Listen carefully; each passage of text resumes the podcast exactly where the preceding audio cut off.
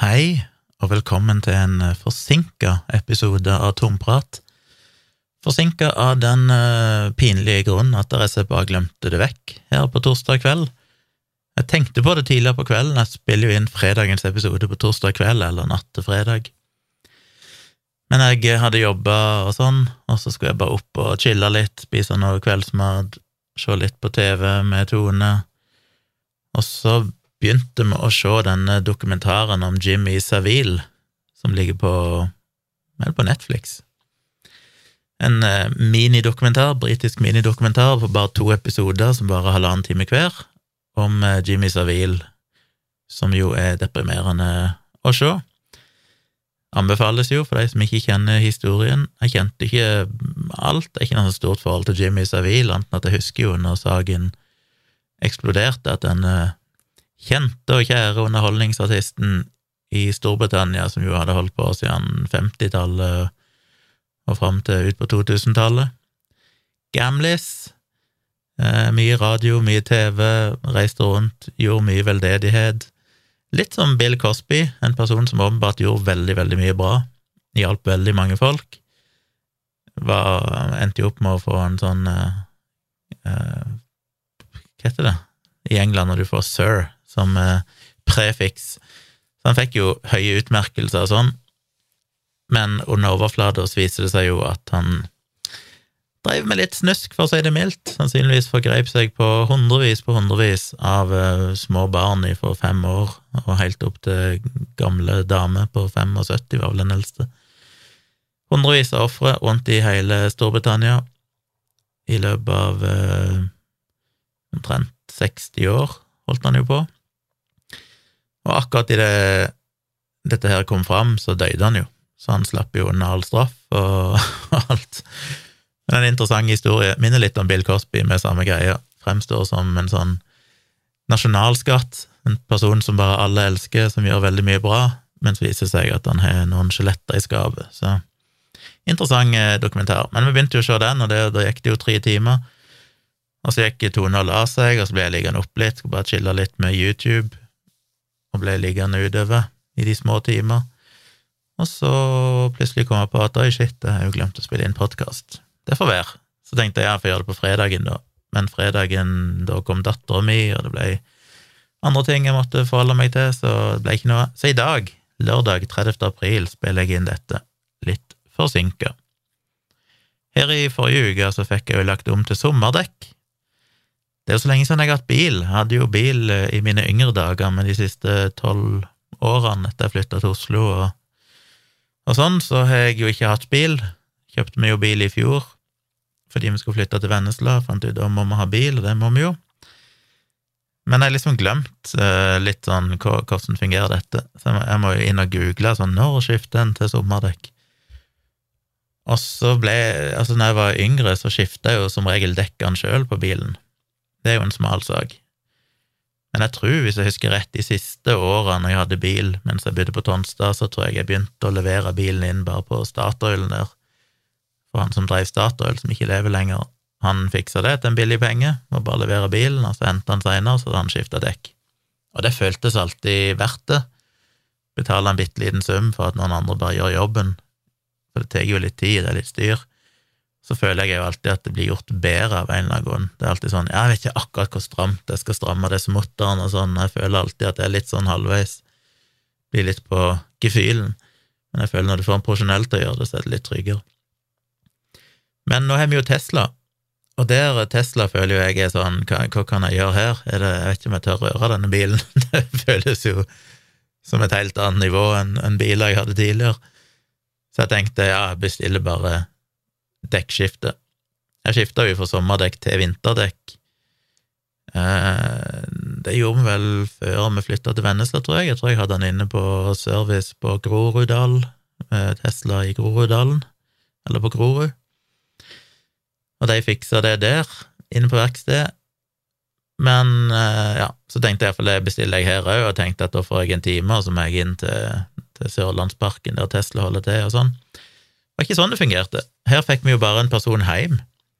Så jeg bestilte service, og så fikk jeg bare SMS etterpå om at eh, ja, den og den datoen så kommer det noen hjem til meg og skifter dekkene, så bilen må stå på en eh, flatt underlag og bla, bla, bla. Så det var jo greit. Så de kom her på onsdag. Jeg hadde satt bilen klar, tatt ut dekkene så de sto stabla opp på sida. Kom der to fyrer i en bil, og jeg var opptatt på jobb, så jeg bare liksom ga de nøklene til bilen og sånn, og så var det noen minutter seinere, så hadde de gjort jobben. Og ja, det blir jo ikke lettere enn det. Det føltes nesten som for godt å være sant, at de bare kom hjem her og fiksa det. Det kosta 700 kroner eller noe sånt, 750. Tenkte vesentlig dyrere enn eh, når den lokale helten på Statoil gjorde det, tror jeg. Jeg tipper det kosta bare et par hundre kroner der eller noe sånt for å få skifta dekk, men, men det er definitivt verdt det, istedenfor å begynne å styre med det sjøl. Så da er det gjort, så man bare håper at det ikke plutselig blir snø og vinter igjen. Det er alltid litt sånn kjipt. Ellers så var det litt gøy her den ene dagen eh, for et par-tre dager siden, så ringte plutselig telefonen fra et ukjent nummer. Jeg får jo minst én gang om dagen så får jeg oppringninger som regel fra England, et pluss 44-nummer. I går fikk jeg òg en pluss 46, som vel er Sverige, er det ikke det? Sverige eller Danmark? Sverige, tror jeg. Um, det ringer hele tida, og jeg tar det jo aldri, jeg bare avviser samtalen. I går så prøvde jeg faktisk å ta en av de som ringte fra England, for jeg tenkte sånn, ok, nå har jeg avvist disse samtalene i hundretall over mange måneder, la meg bare ta den en gang for å bare sjekke om hva de egentlig sier. Så jeg tok imot, og som ett sekund etter jeg hadde tatt imot, så la de bare på. Så jeg håper ikke det koster mye penger. Men eh, jeg tipper vel trikset er at du skal ringe tilbake igjen når du, de bare legger på, og så tenker de at da ringer sikkert folk opp igjen. Det gjør jeg jo selvfølgelig ikke. Men herregud, så irriterende det at det ikke går an å få sperra det der pisset. Jeg kan jo på iPhonen sperre anrop fra ukjente nummer, men det er jo for drastisk, for da sperrer jeg jo alle som ikke er i kontaktlista mi, og hvis det er kunder eller journalister eller noen som vil ha meg til fotooppdrag eller et eller annet sånt, så vil jeg ikke sperre dem ute. Så det er liksom ikke noe Det skulle gått an å sperre alle ukjente nummer fra utlandet. Det hadde jo tatt brodden av det aller største delen av problemet. Jeg har jo sagt det før, men det er jo av og til de sniker seg til å ringe fra norske mobilnummer, og så er det noen som sitter i Asia en plass. Hadde jo det i fjor. Da jeg bodde i Oslo, så var det plutselig noen som ringte fra et helt vanlig norsk mobilnummer, jeg tok han, og så var det noen som skulle selge meg et eller annet, for meg til å investere i noe piss, snakket på engelsk, asiatisk eh, aksent. Og jeg bare sa nei, nei, jeg er ikke interessert, og så la jeg på. Og så ringte de opp igjen fra et annet nummer, og jeg tok den igjen, for jeg tenkte sånn, ja, det kan jo være det tilfeldigvis er noen andre som ringer. Men så var det samme dama igjen, bare fra et annet norsk mobilnummer, uten noe, ikke noe landskode eller sånn, bare et vanlig eh, nummer, som om det skulle være hvem som helst som ringte deg. Og jeg sa, hørte bare at det var samme person, og la på igjen. Og så fortsatte hun faen meg å ringe, jeg vet ikke hvor mange ganger, fire, fem, seks ganger, og hver gang ifra et annet norsk mobilnummer. Og det er to ting som er fascinerende med det. Det ene er jo kan ikke Telenor eller Telia eller hvem det er som administrerer dette, få stoppa det? At utenlandske skammere kjøper opp svære, svære pools med norske mobilnummer som de driver og ringer ifra? Det må være ganske lett å få stoppa hvis de får noen klager på det. Det andre er jo mentaliteten til de. Hvis de ringer meg, og jeg sier jeg ikke er interessert, hva er det som får de, og så ringer de en gang til, og så bare legger jeg på hva, er det de tenker med at hvis de bare ringer mange nok ganger, så kommer jeg sikkert til å si å ja, forresten, jo da, jeg vil investere 100 000 i dette ukjente selskapet. Eh, jeg skjønner jo at de prøver seg én gang, men hva i all verden de tror de skal vinne på å ringe liksom seks ganger når du har sagt nei? Det er ganske fascinerende, må jeg si.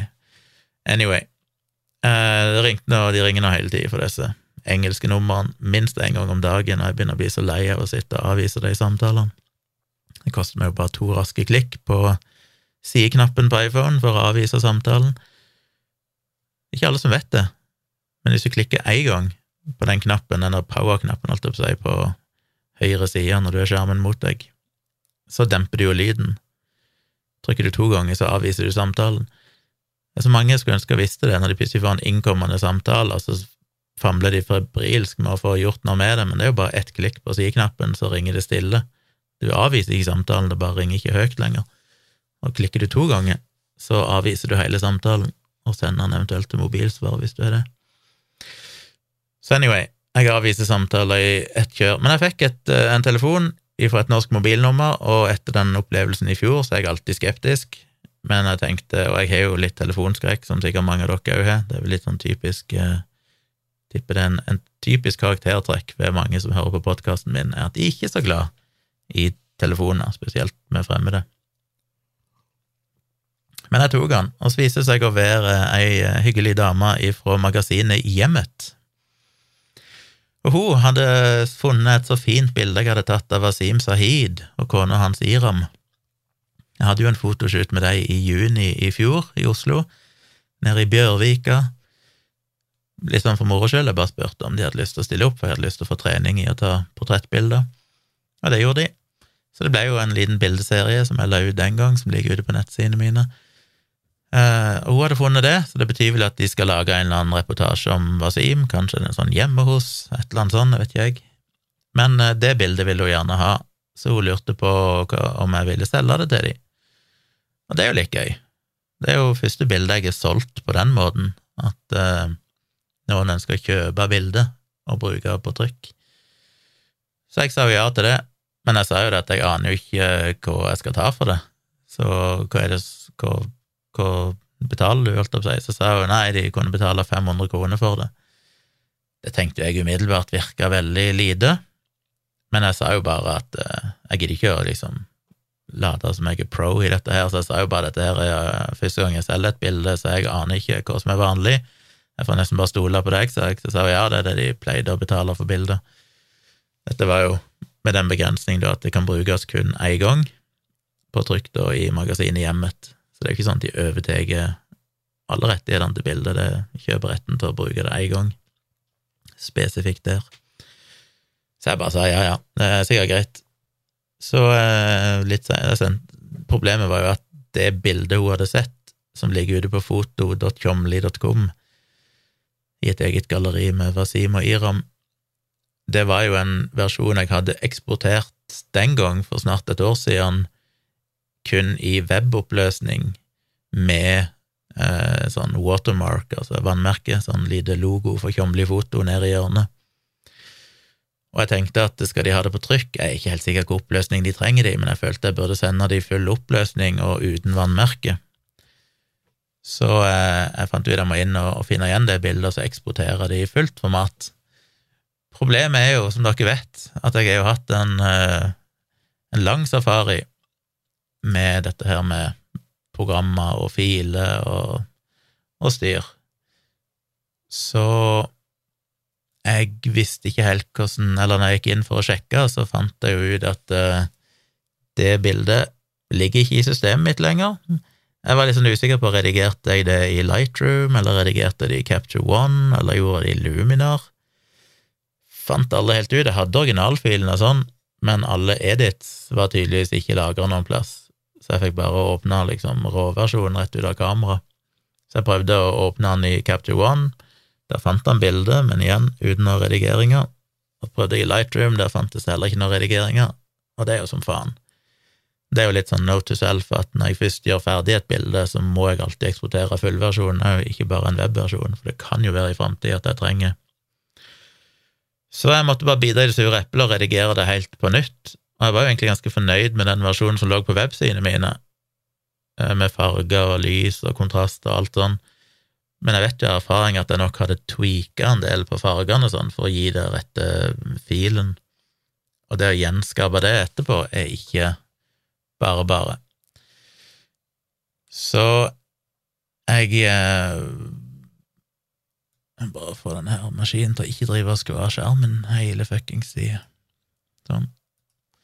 Så jeg eh, måtte rett og slett redigere de for scratch og bare tweake det og få det til å nærme seg noe av det som var før. Samtidig så var det ikke nødvendigvis noe mål at jeg skulle se Eller jeg følte jo det burde se likt ut, ettersom det bildet hun hadde sett og ville kjøpe, var jo det som lå på websida. Det er litt dumt å levere et bilde som ser dramatisk forskjellig ut. Men eh, jeg redigerte det sånn at det begynte å ligne, men så føler jeg jo at på det nesten året som er gått, så er jeg blitt flinkere til å redigere. Det ser jeg jo hele tida på gamle bilder, sånn at jeg tenker oi, vi ville ikke gjort det sånn i dag. Og det kommer jeg nok til å tenke om et år òg, forhåpentligvis, og håper jeg blir bedre og bedre. Så jeg redigerte det på nytt, fikk en versjon jeg syntes så eh, fin ut, og eksporterte den i full oppløsning og sendte til henne. Og forklarte henne selvfølgelig, som jeg, det er jo sånn jeg er skrudd sammen, jeg må liksom alltid overforklare alt. jeg måtte jo forklare alt det der til henne, selv om hun sikkert ikke brydde seg det fnugg om akkurat de detaljene. Og så fikk jeg fakturainformasjon og fakturerte. Hun sa hun var så fornøyd med bildet, hun syntes det var så superfint. Og det morsomme var òg at hun lurte på om jeg eh, var tilgjengelig for oppdrag. Eh, så sa jeg jo ja, det hadde jo vært kjempekult. Eh, hun så at jeg bodde i Vennesla og ville gjerne notere seg navnet mitt og sånn i tilfelle de skulle ha noen reportasjer og trengte portrettbilder og sånn av intervjuobjekter. Så jeg sa jo at det vil jeg jo gjerne, jeg er fleksibel og mobil og bare ta kontakt. Hun sa det at hun hadde gitt navnet mitt til alle de andre i redaksjonen der, sånn at de kunne ha meg på lister hvis de skulle gjøre noe i nærheten. Jeg sa jo at det teknisk sett var tilgjengelig fra Stavanger til Oslo, men det vil jo selvfølgelig koste de mer, da, for da blir det jo reising og sånn. Så i utgangspunktet er det jo Kristiansand og omegn som er det mest aktuelle. Men jeg vil jo ikke begrense meg for mye. Jeg er jo, det er jo superkult å få sånne portrettoppdrag ifra Hjemmet, selv om Hjemmet ikke akkurat er mitt favoritttidsskrift. Selv om jeg leste det veldig mye som liten da mamma abonnerte, jeg vet ikke om hun abonnerte eller om hun bare kjøpte det i butikken, men vi hadde iallfall alltid Hjemmet hjemme, som jeg satt og bladde gjennom. Leste mye i da jeg var yngre, men det begynner å bli en 30 år siden. Og det er fascinerende at det fortsatt kan overleve, at sånne magasiner som det overlever. En tenker jo fort at eh, om 10-20 år så må jo hele markedet, hele målgruppa deres ha daua. For det må jo bare være gamle folk som leser det. Men eh, tydeligvis ikke, for da ville jo vil de ikke hatt noe marked i dag, for de vil jo ha daua på rundt år 2000. Så det er tydelig at en ny generasjon vokser opp hele tida, og så blir det sånn Kanskje jeg òg blir sånn om 20 år, så er jeg òg sånn at jeg må kjøpe hjemmet. Det er liksom Det er koselig. Så ja, jeg har solgt et bilde. Ble ikke akkurat rik på det. Hvis det er noen av dere som eh, jobber i den bransjen og har peiling på hva det er normalt å betale, så send meg gjerne en mail på tompratpodkast.gmail.com. Jeg tenkte at eh, jeg bør nok eh, researche det litt, sånn at hvis jeg skulle bli kontakta igjen med noe lignende, så er jeg litt mer forberedt og eventuelt kan forhandle fram en bedre pris. Men hvis noen av dere vet hva det koster, husk at dette var bare ett bilde til bruk én gang på trykk i et magasin det er betingelsene. Så gi meg gjerne et tips om det, hvis dere vet om jeg solgte det altfor billig, eller om de lurte meg, eller whatever. Så det var ukas lille høydepunkt for min del. Ellers var jeg òg på onsdag og tok bilder Nei, på torsdag var det vel, en eller annen dag forrige uke. Så var jeg og tok bilder hos Smak og behag, en restaurant i Kristiansand. Og det var veldig kult. Jeg har ikke vært der før, og det er kanskje ikke så rart, for det er en helt ny restaurant. De har en smak og behag i Grimstad òg, den eksisterte tror jeg sa, i ti år eller noe sånt. Mens den i Kristiansand ble jo åpna i 2020, og så ble de jo stengt med en gang grunn pandemien. Så de har jo ikke hatt uh, mye åpent, rett og slett, de to siste årene av pandemi og sånn. Men nå var de jo i full drift, og det var derfor jeg tilbød meg å ta bilde av de da, for å hjelpe de litt i gang, kanskje. Samtidig så ga hun vel inntrykk av at eh, de hadde jo stort sett fulle hus hver dag, så jeg tror ikke akkurat de følte de trengte den markedsføringa, men det var jo kjekt å få noen gratis bilder. Om jeg klarer å få til en avtale med de, det vet jeg jo ikke, selv om jeg selvfølgelig skal jobbe hardt for å få til det. Men det var en veldig kul restaurant. Utrolig fin innredning. Det var jo helt nytt. Det var et gammelt skolebygg, en gammel gymsal, visstnok, som var blitt gjort om. og da er det ikke en gymsal, sånn som en kanskje tenker seg en gymsal, men det var en gammel mursteinsbygning. Så innvendig hadde de jo gjenskapt mye av det originale, med liksom murvegger og sånn, veldig høyt under taket, med sånn treverk og tverrliggere der oppe, lange lyspærer som hang i sånn mange meter lange snorer fra taket og ned, store vinduer som ga mye lys inn, sånn nesten som en katedral inni der. Eh, veldig sånn spisst tak med høye vinduer da, som også spisser seg mot toppen og sånn. Veldig kult. Også når du kommer inn, så er det òg et svært vindu i gulvet, så du ser rett ned i vinkjelleren, som er jo ganske kult. En kul eh, detalj. Så jeg, eh, de var veldig opptatt av at jeg skulle ta bilde i vinkjelleren òg, for de har iallfall to vinkjellere der. En som, så jeg skjønte, tilhørte egentlig et annet selskap, men der de tydeligvis er et samarbeid, og så selger de vin. Der hadde de jo dyre vinflasker. Jeg tror de snakker om at de hadde iallfall ei vinflaske eller noe vin som kosta opp mot 180 000 for ei flaske. Og det skjønner jeg ikke at noen er samvittighet til å drikke. Da, da er det for mye penger hvis du kjøper ei vinflaske til 180 000 og skal bruke den til noen som helst annet enn et samlerobjekt eller noe sånt. Så det var en fancy vinkjeller, og så hadde de en annen som var litt mer deres egen, da, som de var mer der de henta vinen til, til restauranten da når de serverte mat. Men begge var jo stappfulle av vinflasker langs hele veggene, og i midten så var det jo kassevis med vin som ikke var pakka ut, så du kunne egentlig bare gå langs i en sånn omkrets langs veggen, var eneste plass det var mulig å gå. Og det var jo ikke lett å ta bilder der inne når det står en, når hele midtpartiet i rommene er bare dekka av kasser. Det er vanskelig å få det til å se skikkelig fint ut. Hadde de rydda ut alle de kassene sånn at det var et tomt gulv, så kunne det sett ganske stilig ut. Men de ville ha bilde av det, så jeg måtte jo eksperimentere.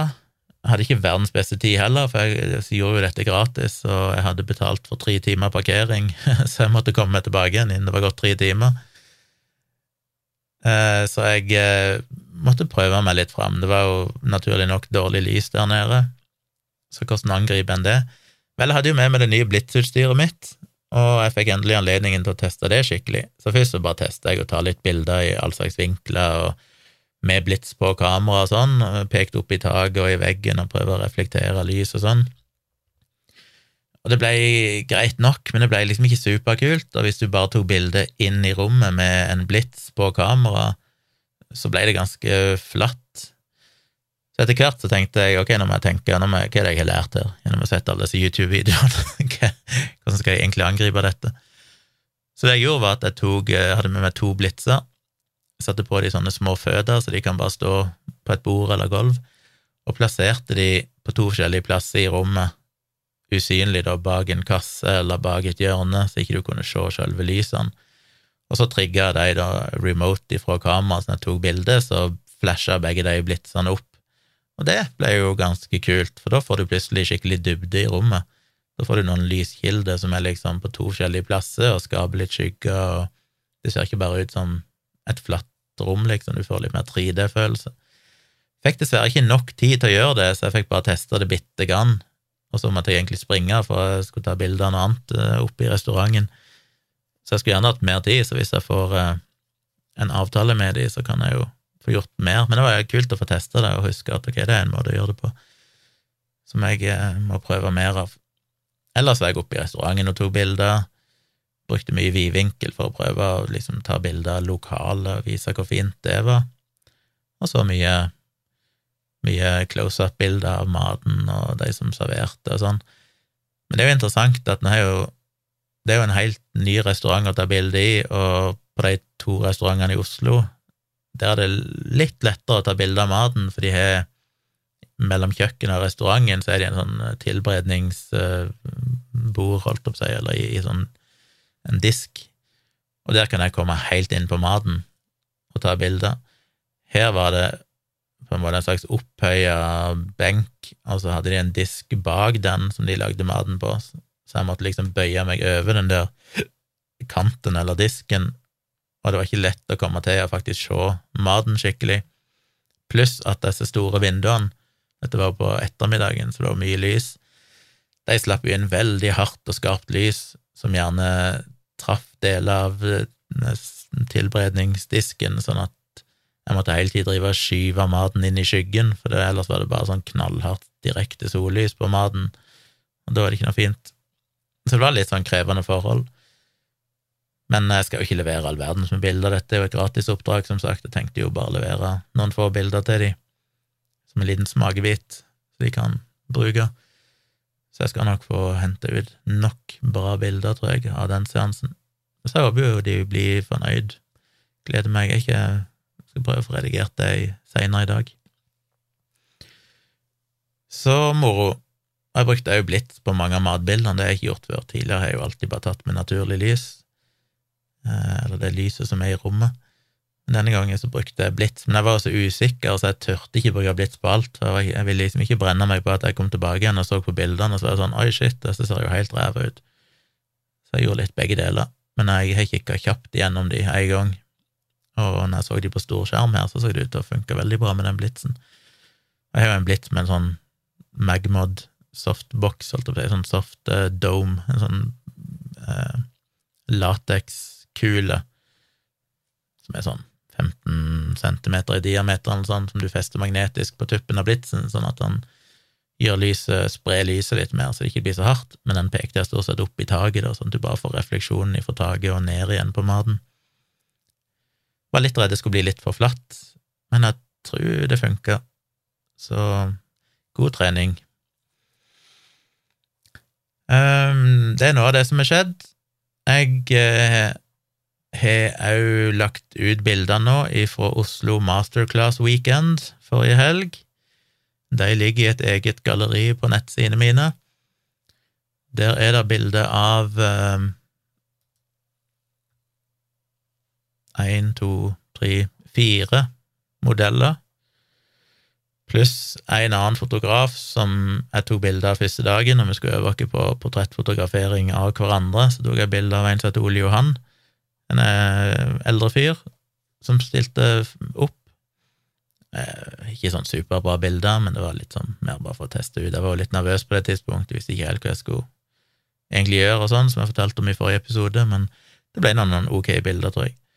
Og så har jeg et lite galleri med gatefoto i Sandvika, der det bare er fire bilder eller sånn, som jeg har lagt ut på Instagram. På Tjomli Foto på Instagram, etter kontoen min der. Men de bildene av modellene eh, tror jeg ble fine, selv om jeg er veldig usikker for det første må jeg bare si at disse modellene, som jeg sa sist, ser jo veldig unge ut. Hun yngste er vel 16, Så så er det vel noen på 18 og noe sånt. Det eh, Alle har jo signert modellkontrakt. De som er jeg, jeg trodde det måtte være over 18 for å signere sjøl, men de sa at eh, hvis hun er 16, måtte foreldrene eller foresatte, så det er mulig at ikke foresatte har vært involvert i den kontrakten til hun på 16. Det er ikke mitt problem uansett, det er jo de som arrangerer eh, greier, som har booka de inn og alt dette her. Men eh, de har signert modellkontrakt, det er jo vi fotografer òg signert, der det står betingelser og sånn. Og betingelsen er jo at vi kan dele bildene og bruke det i vår egen markedsføring, og så får de bildene våre så de kan bruke til sin portefølje, eller dele på Instagram, eller gjøre hva de vil med de.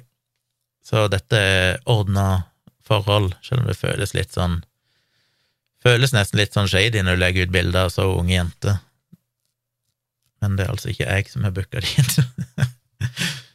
Ser litt sånn shady ut, føler jeg, når jeg deler bilder på Instagram er såpass unge, unge modeller, men kontrakter er signert, og alt er i ordna forhold. Bildene er lagt ut. Jeg var veldig usikker på redigeringa. For meg så er det jo Ja, det er jo en, er jo en prosess, og jeg håper jo jeg klarer å konkludere over tid. At jeg finner en stil, at jeg blir trygg på måten jeg redigerer de på. Men jeg liker jo Jeg, blir så lett forført av litt sånn kraftige farger. Jeg vet at det er veldig Jeg føler de fleste fotografer liker veldig duse farger. Bilder som er veldig blasse, for det ser liksom proft ut, på en måte. Ser litt mer kunstnerisk ut. Og det er jeg helt enig i, jeg digger jo sånne bilder òg, men jeg har en tendens til å nå, Det kommer helt an på bildet, da, men jeg, disse bildene redigerte jeg med ganske sånn kraftige farger. Og litt av det var fordi at jeg har lyst til at de modellene skal like de. Jeg tenker jo at eh, de unge modellene som er vant med Instagram og full pakke, de har nok en slags look de liker, som jeg hadde lyst til å tilfredsstille litt. At eh, ikke skulle være, for jeg føler mange av de andre fotografene redigerte bildene litt mer sånn kunstnerisk og blast, og jeg tenker sånn, ja, det er ikke sikkert modellene er så keen på akkurat det. Så jeg gjorde det på en litt tungvint måte, det tok veldig lang tid. Men det er jo at jeg først redigerer bildene i Lightroom, justerer kontrast og lys og litt farger, color grader de litt, gjør diverse tweaks, og så henter jeg inn et og et bilde i Luminar AI, og der er det jo en del sånn automatiske verktøy for å booste fargekontrast og lyse opp ansiktet og, fikse irisen sånn at det blir mer sparkly i alt mulig sånne ting. Pluss at jeg legger gjerne på litt Orton-effekt, som betyr at du egentlig får highlight alt det som er lysest i bildet, gir du en liten sånn diffus glød på, sånn at bildet blir litt sånn glowy. Og det er jo for bildet til å poppe mer. Samtidig så er det klart at bildet blir Det føles jo nesten som at du hiver på et Instagram-filter, at det, det, blir litt sånn Er dette bare fjortis som gjør det, eller er det ikke? Men så klarer jeg ikke å dy meg, for det er sånn Ja, men jeg syns jo bildene blir fine når jeg gjør det sånn. Men etter jeg hadde gjort de ferdig og sendt de av gårde og lagt de ut i galleriet, så gikk jeg opp, og så lå meg og Tone, som sagt, og, og så på da vi så på den Jimmy Savile-serien. Og hele tiden mens jeg så den, så lå det bare gnagde i bakhovet mitt at ah, fuck, jeg må redigere alle bildene på nytt, dette funker ikke, dette er pinlig. Uh, men så tenkte jeg la meg la det synke litt, og, og se på det igjen i morgen med ferske øyne og sånn. Nå ser jeg jo på de mens, mens, jeg sitter her og snakker, og tenker at eh, ja, jeg liker de jo egentlig, men det er liksom én av to stiler. Jeg kunne gjort det på en helt annen måte. Men jeg, jeg føler egentlig jeg syns bildene ble fine. Det er klart ulempen med å gjøre det på den måten er at jeg har et kanongodt kamera og gode objektiver som kan gjøre bildene veldig skarpe, så du ser hver eneste pore i ansiktet. Men når jeg legger på litt sånn glow og sånne ting, så blir jo automatisk ting ørlite grann mer utvaska, mer eh, Så det, det, det, føles litt som at eh, jeg ødelegger effekten av det gode kameraet jeg. Men det stemmer ikke egentlig, da, for hvis jeg zoomer helt inn på de, så ser du fortsatt alle porer i ansiktet, sånn, så det er jo ikke sånn at du smoother ut alt. Men ja, jeg har delt linken inne på patronen min, så vil dere se bildene av disse modellene og sånn, så ligger der link inne på min Patrion, patron.com slash tjomli. Så ta gjerne en, en, kikk på dem hvis dere har lyst. Jeg setter pris på tilbakemeldinger. Så får jeg se om jeg neste gang et eget modellbilde, om jeg skal prøve meg på den motsatte stilen, og heller bare kun redigere det i Lightroom og gjøre det mye mer nøytralt. Ikke gjøre så mye med bildene. Men jeg syns det er veldig fine farger på disse bildene, det må jeg si. Sånn skikkelig ja. Nei, jeg setter pris på tilbakemeldinger. Ta gjerne og, og gi meg litt feedback hvis dere har sett de inne på Patron, eller jeg deler jo noen av de på Kjomli foto på Instagram òg, så ta gjerne en kikk der, selv om jeg hater jo å dele ting på Instagram, egentlig, for at alt ser bare crap ut der. De blir jo så små. Jeg liker liksom at folk heller ser de på, på nettsidene mine på foto.tjomli.com selv om du får ikke tilgang til dette galleriet direkte der, du må ha direktelinken, vel. Eh, eller du kan kanskje klare å klikke deg fram til det hvis du vet hvordan du gjør det. Men eh, når du får bildene i stort format i nettleseren på en skikkelig skjerm, så ser det jo atskillig bedre ut. Men de ligger iallfall der, og jeg er i en læringsprosess. Jeg eh, fikk iallfall en positiv tilbakemelding, for det første bildet jeg delte, var fra en modell som heter Michelle, og hun eh, lagde litt sånn ja, Noen av bildene var litt sånn kunstneriske. Det var egentlig en annen fotograf, vi var jo tre fotografer på samme modell, og så roterte vi. Det var egentlig hun som drev og fotograferte henne i noe sånn høyt siv, sånn halvannen meter, ja, eller mer, to meter nesten, høyt siv nærme vann, sjø, sjøkanten. Men så sto jeg bare på si og tok bilde av henne, litt sånn ifra sida og sånn, og så tok jeg noen bilder der jeg bevisst satte fokuset på sivet, sånn at hun bare var ufokusert, ute av fokus, i bakgrunnen. Og de ble ganske kule, syns jeg. Da ser du bare det, og så booster jeg fargene skikkelig, så du er litt sånn kraftig gult, oransje siv, og så er hun kledd i ganske fargerike klær, men du ser henne bare i bakgrunnen som et, som et spøkelse som beveger seg gjennom sivet, så jeg syns det ble litt kult. Men iallfall, jeg delte jo et par av de bildene på Instagram, og så fikk jeg å tagge henne, for det er jo en del av avtalen at de skal jo tagges og navngis når en deler bilder av de. Så fikk jeg en DM av henne hun sa 'Å, det var så fine bilder, og likte de så godt', og lurte på om jeg hadde flere. Så sa jeg ja, du får jo alle bildene fra arrangøren, for de, vi sender jo alle bildene til arrangøren, og så skal de sende de videre til, til modellene. Men så ga jeg jo linken da til dette galleriet på nettet, sa men du finner de jo her, så du kan gå inn og kikke på de.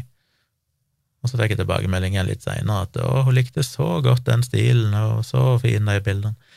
Så det var jo en betryggelse å høre, da. Og da følte jeg litt sånn, ja, det var det jeg, var det jeg visste, disse jentene kom til å like den stilen der. Den er kanskje litt mer i tråd med det de egentlig ønsker til sitt eget bruk. Så det var iallfall fint at hun likte de.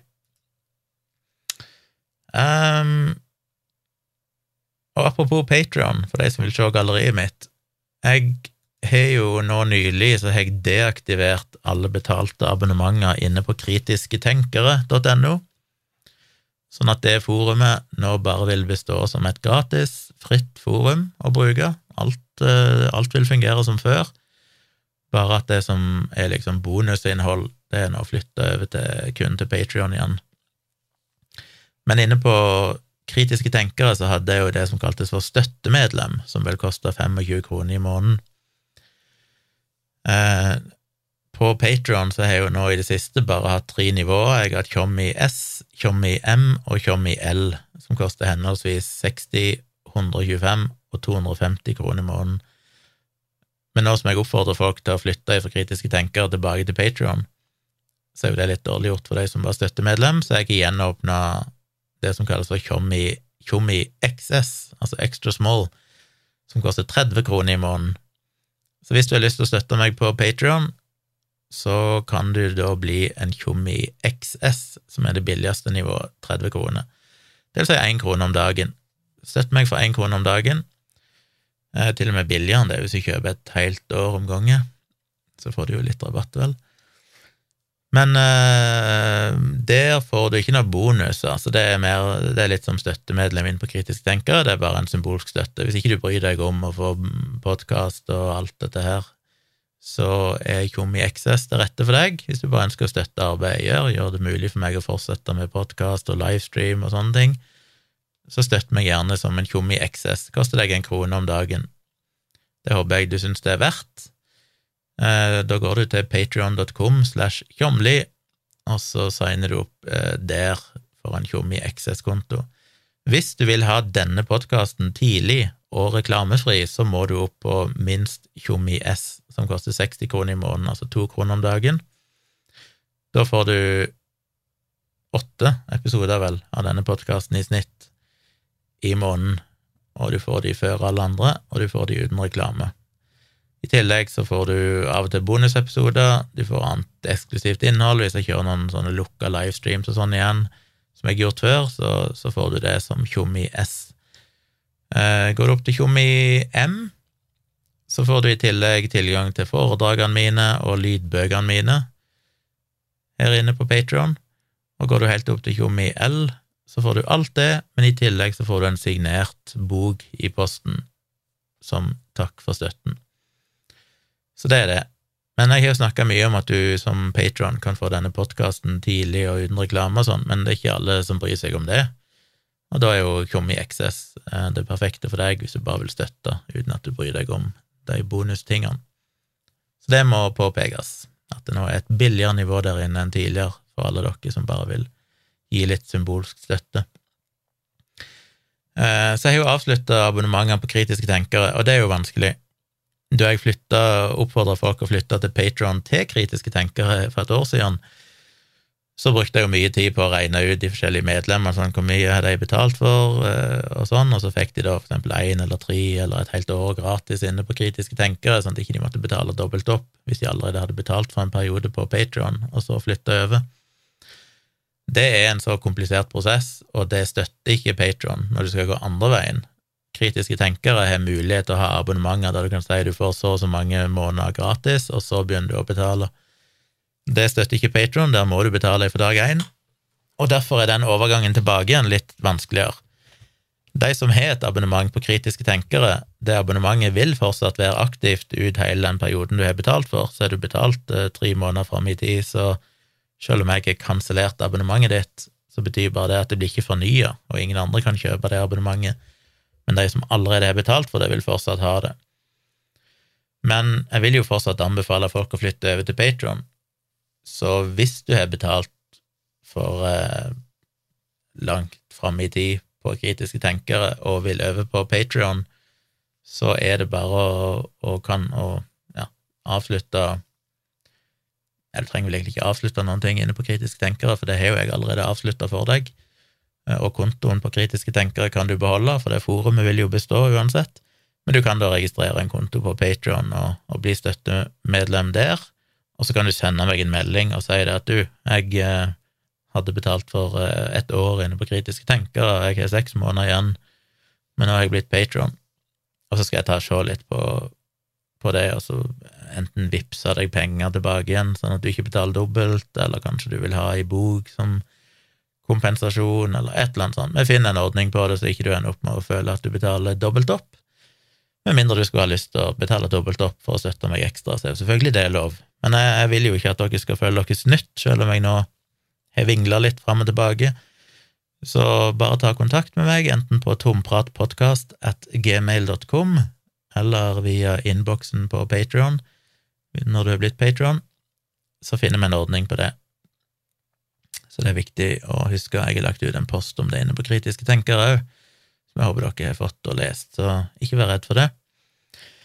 Til slutt så eh, Det skal ikke bli verdens lengste episode, dette, i dag, siden forrige var så lang, men jeg bare kom over et par studier som var litt interessante, som handler om Twitter, som jo er i vinden.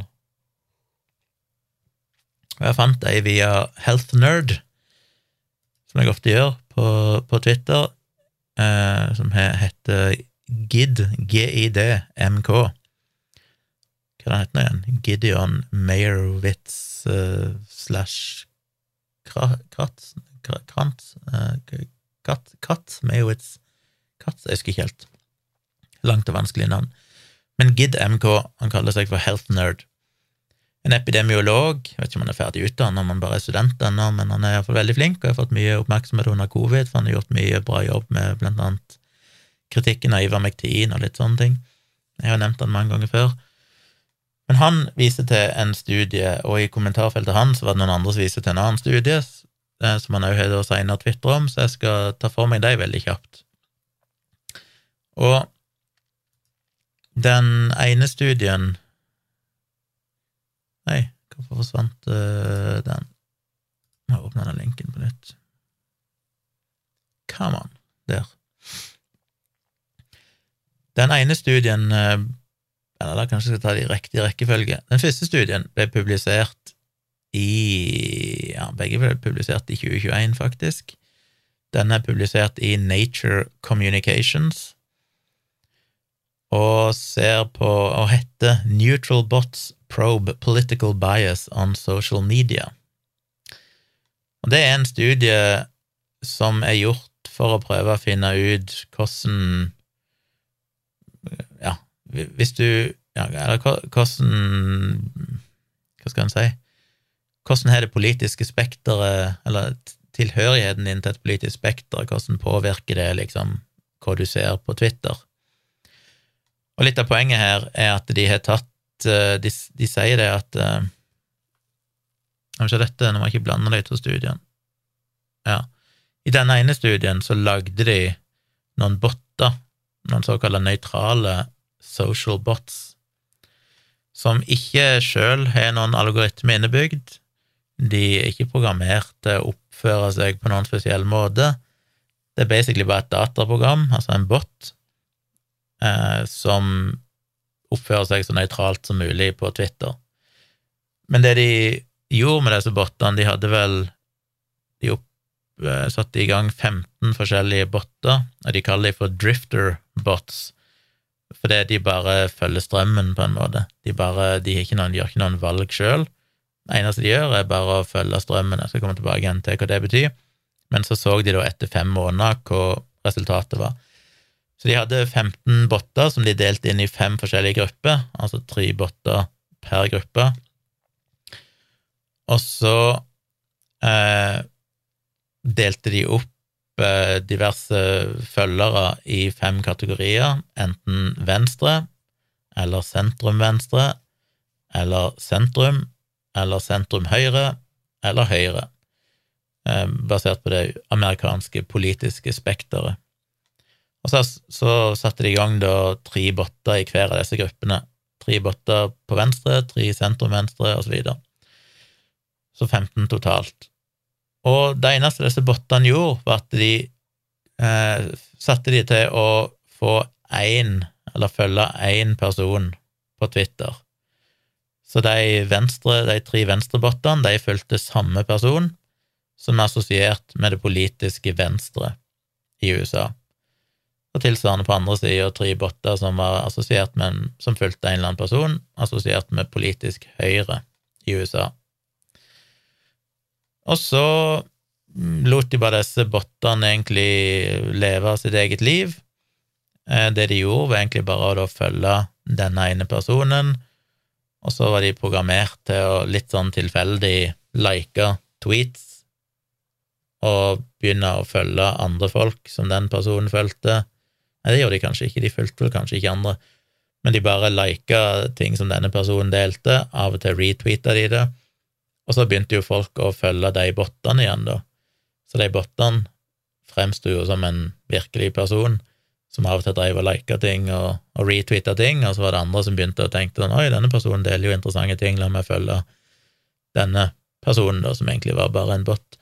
Og så lot de dem bare operere på den måten, men bottene i seg sjøl visste ingenting om de fulgte si, noen høyre- eller venstreside politisk. Det var ikke noen forskjell på bottene. Det eneste de gjorde, var bare å enten like eller eh, svare med et eller annet, eller eh, retweete og gjøre sånne ting, basert på noen sånne litt tilfeldige algoritmer som var likt for alle, så vidt jeg skjønte. Eh, og av og til så tror jeg òg de faktisk avfylte noen av sånne ting, bare for å fremstå mest mulig som et menneske. Så det lot de da kjøre fra 10. juli 2019, så dette er altså før pandemien, til 1. desember 2019. Og så fulgte de disse bottene, da, og så så de etter hvert hva, hva er det egentlig som er skjedd her. Og det de fant, den korte svaret, er jo at de bottene som starta med å følge en person langt på høyresida, endte opp med å få en mye sterkere vekst i følgere enn de som var på venstresida. Så de som fikk flest følgere, var de bottene som starta ut med å følge en person på det politiske høyre. Nest mest fikk sentrum-høyre-botten, og så kom venstrebotten, og så kom sentrum-venstrebotten, og den som var i sentrum, politisk sentrum, fikk færrest nye følgere. Som sier to ting. Det ene er jo at uh, kanskje jo mer ekstrem du er i gåsehud, trenger ikke være ekstremt, da, men iallfall at jo mer ut på sidene du er, jo mer interesse skaper du kanskje på Twitter og får følgere, men òg at høyresida da fikk markant mye flere følgere enn venstresida. Og så er det gjort mange analyser, det er ikke alt her jeg klarer å forstå helt, selv om jeg ikke har lest gjennom hele studien. Jeg skal som vanlig lenke til den i shownote, så dere kan kikke på det sjøl. Men jeg skal prøve å, å trekke ut noen hovedpoenger ifra, ifra studien. Eh, det de fant, var blant annet at de som, eh, disse drifter-botene som starta med å følge en, en bruker på høyresida, de endte opp med å, å få mye mer grad av ekkokammer enn de bottene som var mer mot sentrum eller på venstresida. Så de begynte blant annet i, de mye større grad enn de på venstresida, så endte de opp med å bare retweete og spre eh, høyrevridd innhold sjøl. Så det ble en, en, rett og slett det de kaller for en online feedback loop, at de begynte med å følge en på høyresida, og den personen delte mer høyre vridd innhold, som da bottene òg begynte å like og dele, og så fikk de da sjøl følgere som var på høyresida, som de sikkert fulgte tilbake igjen, som da delte mer høyrevridd innhold, og så ble det et gigantisk, eh, ekstremt ekkokammer på den sida. Så de skriver jo Such online feedback loops reinforcing group identity may lead to radicalization. Ja, så det fant de. Det var mye mer homogent innhold som de bottene på høyresida endte opp med å, å vasse i og dele videre. I tillegg så fant de at eh, det var mye lavere kvalitet på det innholdet som eh, botten på høyresida endte opp med å dele og like og sånn. Litt av grunnen til det sier de kanskje er fordi at eh, de bottene på høyresida endte òg opp med å følge mye mer andre botter. Fordi det er jo en, nok en slagside med at botter fra russiske botnettverk og alt mulig sånn som driver og sprer fake news, i stor grad er fokusert på høyresida, og sprer høyrevridd eller høyreekstrem informasjon. Sånn at når uh, disse brukerne på høyresida da ble lurt av det og begynte å følge en eller annen bot som spredte høyrevridd uh, informasjon av lav kvalitet, så begynte jo denne her automatiske botten å følge dem òg, så botter fulgte andre botter. Så generelt sett var det dårligere kvalitet, altså dårlig eh, ja, kvalitet i form av at det er gode kilder, det er verifisert informasjon, det er ting som er i tråd med virkeligheten, holdt jeg på å si, på den høyrevridde botten. Eh, skal vi se, hvor mer var det Ja, så finner jeg òg, som jeg nevnte, da, at de drifta bottene som fulgte venstresida, fikk flere følgere og òg fulgte flere andre botter enn det de som var i sentrum, gjorde. Men det de fant, er at de bottene på venstresida generelt sett fulgte og spredde informasjon som var mindre spissa, mindre bombastisk, og i mindre grad bar preg av å være basert på innhold og kilder med lav kredibilitet, sammenlignet med de bottene som enten helt på høyre eller sentrum høyre. Og det er jo interessant. De finner jo da Det er jo to ting igjen der, da, at de bottene både på høyre og på venstresida endte opp med å følge mer andre botter som spredde dårlig informasjon, enn de mer i sentrum. Så i sentrum så var det på en måte tryggest, men der var det jo de fikk jo færre følgere og færre interaksjoner totalt sett.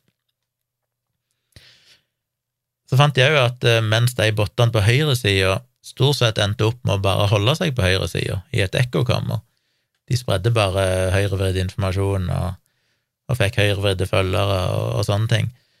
Så hadde de bottene på venstresida en tendens til å gradvis drifte imot sentrum, som betyr at de så ut til å bli påvirka av et litt rikere innhold, altså litt mer variasjon i innholdet, altså De på høyresida de spredde bare høyrevridd informasjon, så derfor så holdt botten seg der hele tida, mens de bottene på venstresida de opplevde jo at den personen de fulgte, òg spredde informasjon eller delte ting, artikler sånn som var litt mer spredt på det politiske spektrum, som gjorde at botten, da, når den bare helt uintelligent bare liksom følger, bare drifter med, så vil en gradvis drifte litt mer inn mot sentrum og bli mindre ekstrem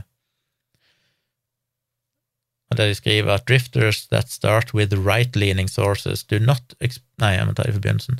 Despite the lack of evidence of political bias in the newsfeed, drifters that start with left-leaning sources shift toward the right during the course of the experiment, sharing and being exposed to more moderate content. Drifters that start with the right-leaning sources do not experience a similar exposure to moderate information and produce increasingly partisan content. These results are consistent with observations that right-leaning bots do a better job at influencing users. Litt av grunnen til at de gjorde denne studien, var jo fordi at ja, Fox News og liksom på høyresida så har de jo helt tida hatt den ideen om at sosiale medier, Facebook og Twitter og sånn, de favoriserer liberal content, altså innholdet fra venstresida i USA. At de liksom sensurerer alt som er på høyresida og sånn. Eh, I realiteten så fant de ikke noe tegn på det i denne studien. De fant ikke noe tegn på at algoritmene på noe som helst vis promoterte høyrevridd innhold mer enn venstrevridd innhold. Det eneste de fant, var jo at brukerne sjøl så ut til å være mer eh, At de på høyresida var mer i ekkokammer og delte mye mindre moderat og sentrumsretta informasjon, sånn at bottene der bare holdt seg på høyresida mens de på venstresida delte mer moderat og sentrumsbasert informasjon òg, altså mer variert informasjon, sånn at bottene òg gradvis drifta inn mot sentrum. Men de konservative høyrevridde fikk altså flere følgere, endte opp, eller som de skriver, on the conservative side, they tend to receive more followers, find themselves in denser communities, follow more automated accounts, and are exposed to more low credibility content. Så det jo en interessant eh, studie, som bare baserer seg på liksom dumme botter som bare retweeter og følger og liker og sånn, og så ser de bare hvor de ender opp igjen etter noen måneder. Da fant jo da en tydelig trend mot høyre. Men så er det en annen eh, studie som òg ble publisert eh, i, på tampen av 2021, og den er gjennomført av Twitter sjøl, retten og sletten, der de tydeligvis har prøvd å finne ut hvordan funker algoritmene våre.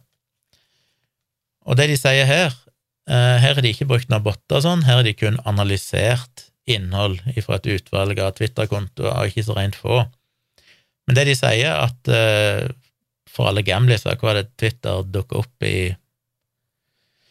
Hvor tidlig var det? Jeg har ikke vært på Twitter siden oktober 2007, fant jeg ut. Var det i 2007 det kom, eller kom det i 2006? Jeg er ikke helt sikker, men rundt da.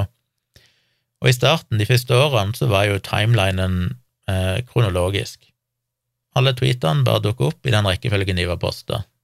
Det vil si egentlig revers, motsatt kronologisk, for da synker. De nyeste først. Men i 2016 så innførte de da en algoritmisk styrt tidslinje. Men det, og det visste ikke jeg, der er faktisk, eh, var det sånn at Twitter valgte ut en tilfeldig 1% av alle globale Twitter-brukere som ikke har fått den oppdateringen. Så for 1% av Twitter-brukere så er fortsatt timelinen bare kronologisk, eller revers kronologisk, og det har de da brukt som en kontrollgruppe i denne studien. Så det de har gjort i denne studien, det er jo at de har da sammenligna innhold hos de 1% av brukerne som har en vanlig kronologisk timeline, med et utvalg av folk som har den nye algoritmisk styrte timelinen, som de fleste av dere har, og det er såpass mange at det tilsvarer 4% av alle brukere på Twitter. Og så har de da prøvd å sammenligne innholdet på dem, hvor mye rekkevidde forskjellige typer tweets får. En svakhet, jeg skal komme tilbake til det, da, men en svakhet med studien er jo at til og med de som har en, en kronologisk styrt timeline, vil jo fortsatt se innhold som folk som har en algoritmisk styrt timeline har. Sånn at hvis min algoritmestyrte timeline eksponerer meg for en annen type innhold enn det jeg ville fått hvis jeg hadde bare en vanlig kronologisk, så øker jo det sjansen for at jeg retweeter eller likes den type innhold, og det vil jo òg folk som følger meg, som da tilfeldigvis skulle ha en kronologisk timeline, i større grad se. Så det er klart at, som de sier, at fordi de fleste har en algoritmisk styrt timeline, så vil jo det indirekte påvirke innholdet som de med en kronologisk styrt timeline har men det betyr jo at de effektene de fant i denne studien, sannsynligvis er undervurderte. altså Sannsynligvis er effektene større. Hadde du virkelig, hadde de som hadde en kronologisk styrt timeline, vært helt isolert fra resten av Twitter, så ville du ha sett større forskjeller enn det du fant her. Så dette er nok eh, et underestimat av de faktiske effektene som den algoritmiske timelinen har. Men denne studien er delt i to. Først så har de studert Eh, tweets ifra valgte politikere ifra store politiske partier i sju forskjellige land som var aktive på Twitter. Og i den andre delen av studien så er de sett på nyhetskilder i USA som er ranka som enten høyre, på høyresida eller venstresida, for å se i hvilken grad artiklene deres blir promotert av algoritmene. Så for å se på den første delen først, det med politikere, så fant de da 3634 Twitter-kontoer som hørte til kjente politikere i disse sju landene. Og de sju landene er USA, Japan, Storbritannia, Frankrike, Spania, Canada og Tyskland. Eh, og så har de gått gjennom alle tweets ifra disse politikerne i en periode, jeg husker ikke hvor lang den perioden var, vil jeg finne seinere, og tatt med ja, tweetene deres, og tatt med alt de har svart på andre sine tweets, alle ganger de har quote-tweeta noen andre sin tweet, men ikke tatt med rene retweets der ikke politikeren sjøl har føyd til noe tekst liksom, som sier noe om hva de mener om dette. Så det er kun tweets der politikeren har liksom kommet med noe eget innhold. Og så er de da sammenligna i hvor stor grad har de tweetene til disse 3634 politikerne i forskjellige politiske partier spredt over det politiske spektrum i disse landene dukker opp i timelinen til andre brukere. Og da har de da kunnet sammenligne hvor ofte har de som da har denne gamle kronologiske timelinen, denne 1 av Twitter-brukere, hvor ofte er disse tweetene dukker opp i timelinen deres, sammenlignet med hvor ofte de dukker opp i timelinen til de som har en mer algoritmisk styrt timeline på Twitter. Og der finner de det som kan virke som litt sånn konflikterende resultater. De skriver Across the seven countries we studied, we found that mainstream right-wing parties benefit at least as much, and often substantially more, from algorithmic personal personalization than their left-wing counterparts.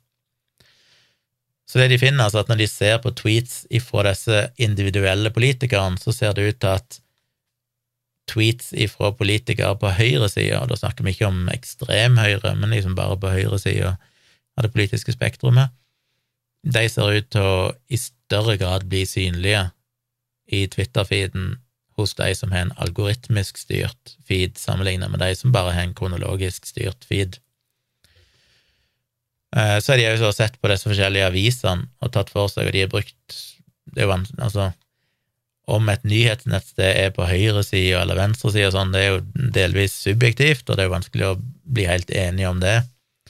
De har jo ser her sett på BuzzFeed, LA Times, Reuters, Pittsburgh PG, Vox, Breitbart, Fox News på nettet, da, The Verge, The Hill og New York Post. Og De baserte seg på to forskjellige kilder, en som heter Allsides, som er et sånt nettsted som gir en sånn politisk bias-rating på forskjellige nyhetssteder, og en annen som heter Adfontes, tror jeg. Eh, det er et lengre navn. Adfontes Media, ja. Så de har valgt to forskjellige da, for å prøve å gjøre det litt mer, så ikke de bare baserer seg på vurderingene til ett nettsted. Og de er jo helt åpne her om at de vet ikke om disse vurderingene er riktige, men de har iallfall basert seg på disse to kjente nettsidene, som da vurderer politisk bias, og så kan leseren sjøl vurdere de, hva de tenker om det. Men det de finner når de ser på Adfontes sine ratings, så finner de da at, høy, at eh, innhold på høyresida, i dette tilfellet er det Breitbart og New York Post, får mer eksponering enn det de på venstresida har, som er BuzzFeed og Vox. Eh, de som er litt mindre på venstresida, er LA Times og The Verge. De som er i sentrum, er Reuters og The Hill. Og de som er litt på høyresida, er Pittsburgh PG og Fox News mens ekstrem høyre er altså Breitbart og New York Post. Det vil si at New York Post var så ekstremt på høyresida. Men det de finner, da, som de skriver, at in agreement with this, we found that content from US media outlets with a strong right-leaning bias are amplified marginally more than content from left-leaning sources. Så effekten er ikke veldig stor der, men vi fant en liten vridning mot at høyre innhold fra media på høyresida fikk litt mer spredning i algoritmene enn det venstrebasert innhold hadde. Men så skriver de da videre at however, when making comparisons based on the amplification of individual politicians' accounts rather than parties in aggregate, we found no association between amplification and party membership. Mulig jeg sa litt feil i stad, eller var upresis, men altså, hvis vi bare så individuelt på politikerkontoene, så fant de ikke noen forskjell på høyre- og venstresida. Men hvis du aggregerer de og grupperer de, altså alle politikerne på høyresida og venstresida, så finner du i sum da at uh, du får mer spredning av politikere på høyresida enn venstresida. Og så kommer det en annen ting som jeg måtte tenke lenge på før jeg skjønte, men det står Our analysis of far left and far right parties in various countries do not support the hypothesis that algorithmic personalization amplifies extreme ideologies more than mainstream political voices. Og Først var det sånn, ja, men ikke det i strid med det som sto i stad, der det sto at we found that mainstream right-wing parties benefit at least as much and often substantially more from algorithmic personalization than their left-wing counterparts.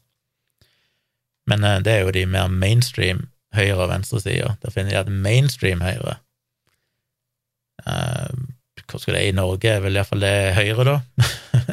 Kanskje Frp hadde falt under mainstream right wing. De får mye mer spredning enn det, de som er på venstresida. Men hvis du ser på de mest ekstreme partiene på høyre- og venstresida, sånn som i Norge ville kanskje det vært alliansen, eh, eller eh, ekstremt venstresida, så finner de ikke at de får mer algoritmisk eh, spredning enn det de mer mainstream politiske stemmene gjør. Så de finner en bias mot høyresida, men ikke at det ekstremt innhold får noe mer spredning enn mer moderat innhold. Så er spørsmålet hvorfor det er sånn, og det er jo vanskeligere å si. Noen vil jo si da umiddelbart at ja, men dette er ikke noen bias, det er bare det at det innholdet som politikere på høyresida deler, er bedre, det er mer interessant, derfor får det mer spredning, mer engagement. Algoritmene er jo gjerne basert på at jo flere som liker og retweeter sånn, dess mer vil òg algoritmene prioritere å vise de tweetene i, i feeden til andre folk. Eh, så kanskje det stemmer, kanskje de mener det, men som sagt, det høres jo tvilsomt ut, basert på den andre studien da, med disse drifter-botene, som fant at høyre vridd innhold i mye større grad var basert på dårlig innhold, dårlige kilder, mye mer fake news og den type ting. Så dette handler nok primært om menneskelig psykologi, eh, mer enn Altså, det er, en, det er jo et samspill her.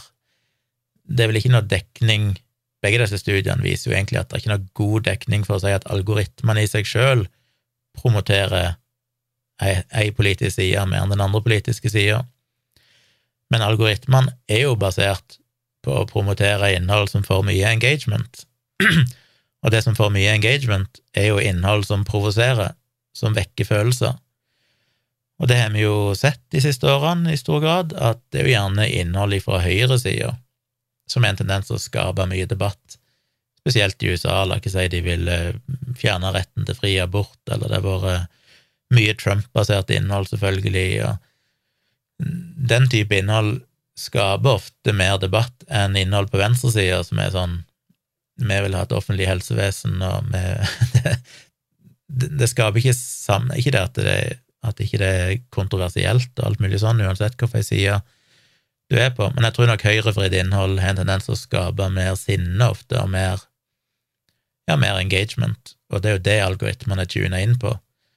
Så hvis du klarer, og spesielt når det da er, er mer innhold som er feil på høyresida, mer fake news, som er designa for å provosere, på venstresida så er det nok en noe Jeg sier ikke at det er feilfritt på venstresida, det er definitivt feilinformasjon der òg, men statistisk sett er det nok mer bedre kilder, eh, mindre grad av ren sånn fake news, eh, litt mer nyansert innhold. Det så vi òg på de bottene, da, at de gjerne drifter mer mot sentrum, fordi det er mer variasjon i innholdet, det er ikke så mye ekkokammer. Så er det klart at algoritmene automatisk da vil, vil promotere mer høyrevridd innhold, rett og slett fordi at det skaper mer engagement.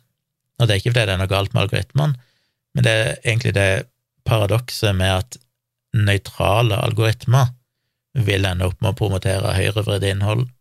Det kan jo virke paradoksalt for noen, men det er jo det som er problemet. Så dermed er det jo noen som vil argumentere for at kanskje ikke vi bør ha nøytrale algoritmer, fordi så lenge algoritmene er designa for å promotere innhold som skaper engasjement, og mye dårlig innhold på høyre side skaper mer engasjement, så vil de automatisk få mer promotering. Kanskje algoritmene rett og slett bør ha en slags left-leaning bias, ikke fordi at de skal promotere venstre sida sitt innhold mer, men, for, men rett og slett for å kompensere for den menneskelige psykologien i at vi har en tendens til å dele mer innhold som vi hisser oss oppover, og kanskje òg for å kompensere for at det er en større grad av fake news og sånn på høyresida.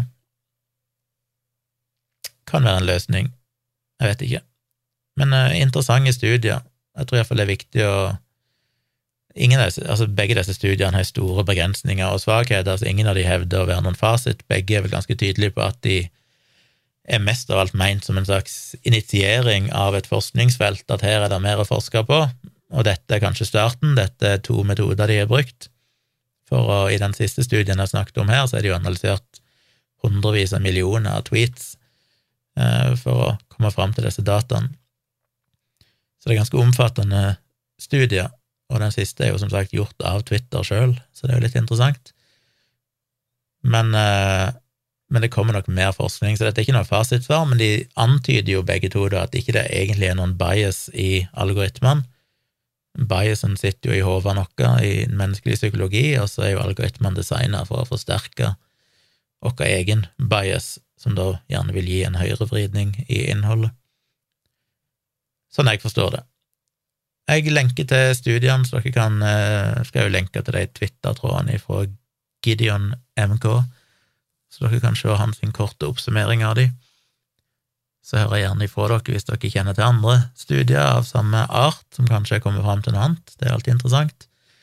Så må jeg jo si at jeg blir jo alltid litt redd etter å spille inn podkast, for jeg tenker sånn åh, jeg, eh, jeg må jo si mye feil. Og av og til blir jeg litt sånn redd når jeg ikke får noe feedback, for da er jeg redd at noen der ute sitter og tenker 'for en idiot', det han sa der, var jo helt feil eller misforstått. Men da vil jeg høre det. Jeg har lyst til å korrigere meg sjøl. Jeg hater følelsen av at jeg kanskje sier ting som er dumt eller feil, altså det er ingen som gjør meg oppmerksom på det. Så jeg ber dere innstendig om at hvis dere hører jeg sier noe som dere er helt uenig i, eller mener jeg er misforstått eller er feil, eller kjenner til andre artikler eller kilder som sier noe annet, vær så snill og send det til meg på tompratpodkast at gmail.com. Fordi jeg ikke har lyst til å korrigere meg sjøl, jeg har lyst til å lære mer, jeg vil at dere skal få mest, best mulig informasjon. Så hvis jeg sier noe feil, så håper jeg jo folk korrigerer meg, så jeg kan viderebringe det i neste episode. Så stillhet ifra lytteren, det gjør meg alltid usikker, for det er sånn, men jeg vet jo at jeg kan jo ikke si alt her korrekt, og hvis ingen retter meg opp, så blir jeg bare redd for at folk irriterer seg over at jeg har sagt ting uten å gi meg muligheten til å korrigere meg sjøl. Så ikke vær redd for å sende meg mail eh, og gi meg info om det, så jeg kan, som alle kan bli litt eh, klokere her inne. Det ble jo en litt lengre episode enn jeg trodde, som vanlig. Det er jo ikke noe nytt. Ikke så langt som sist, heldigvis, men en slags episode, dette òg. Håper dere koser dere med den i helge. Og så skal jeg jo prøve å være tilbake igjen med en episode igjen på på tirsdag og igjen neste fredag. Fortsett å sende meg tips og innspill på tompratpodkast at gmail.com. Støtt meg på patron.com slash tjomli. Der finner dere jo som sagt mitt siste bildegalleri med modellbildene ifra Helge, hvis dere vil se dem. Og så eh, tar jeg gjerne imot eh... Nei, det skal jeg ikke si. Glem det. Scratch that. Bare Jeg er bare glad dere hører på så langt som dere har hørt og fortsette med det. Husk å dele og gi meg gjerne noen hyggelige ratings inne på Apple Podcast-appen og på Spotify, for på Spotify kan du òg nå gi stjernerangering til podkaster. Så det er veldig kult om dere gir meg eh, et lass med stjerner, som gjør at podkasten min kan bli mer synlig og nå ut til flere. Ja, takk. Vi høres igjen over helge.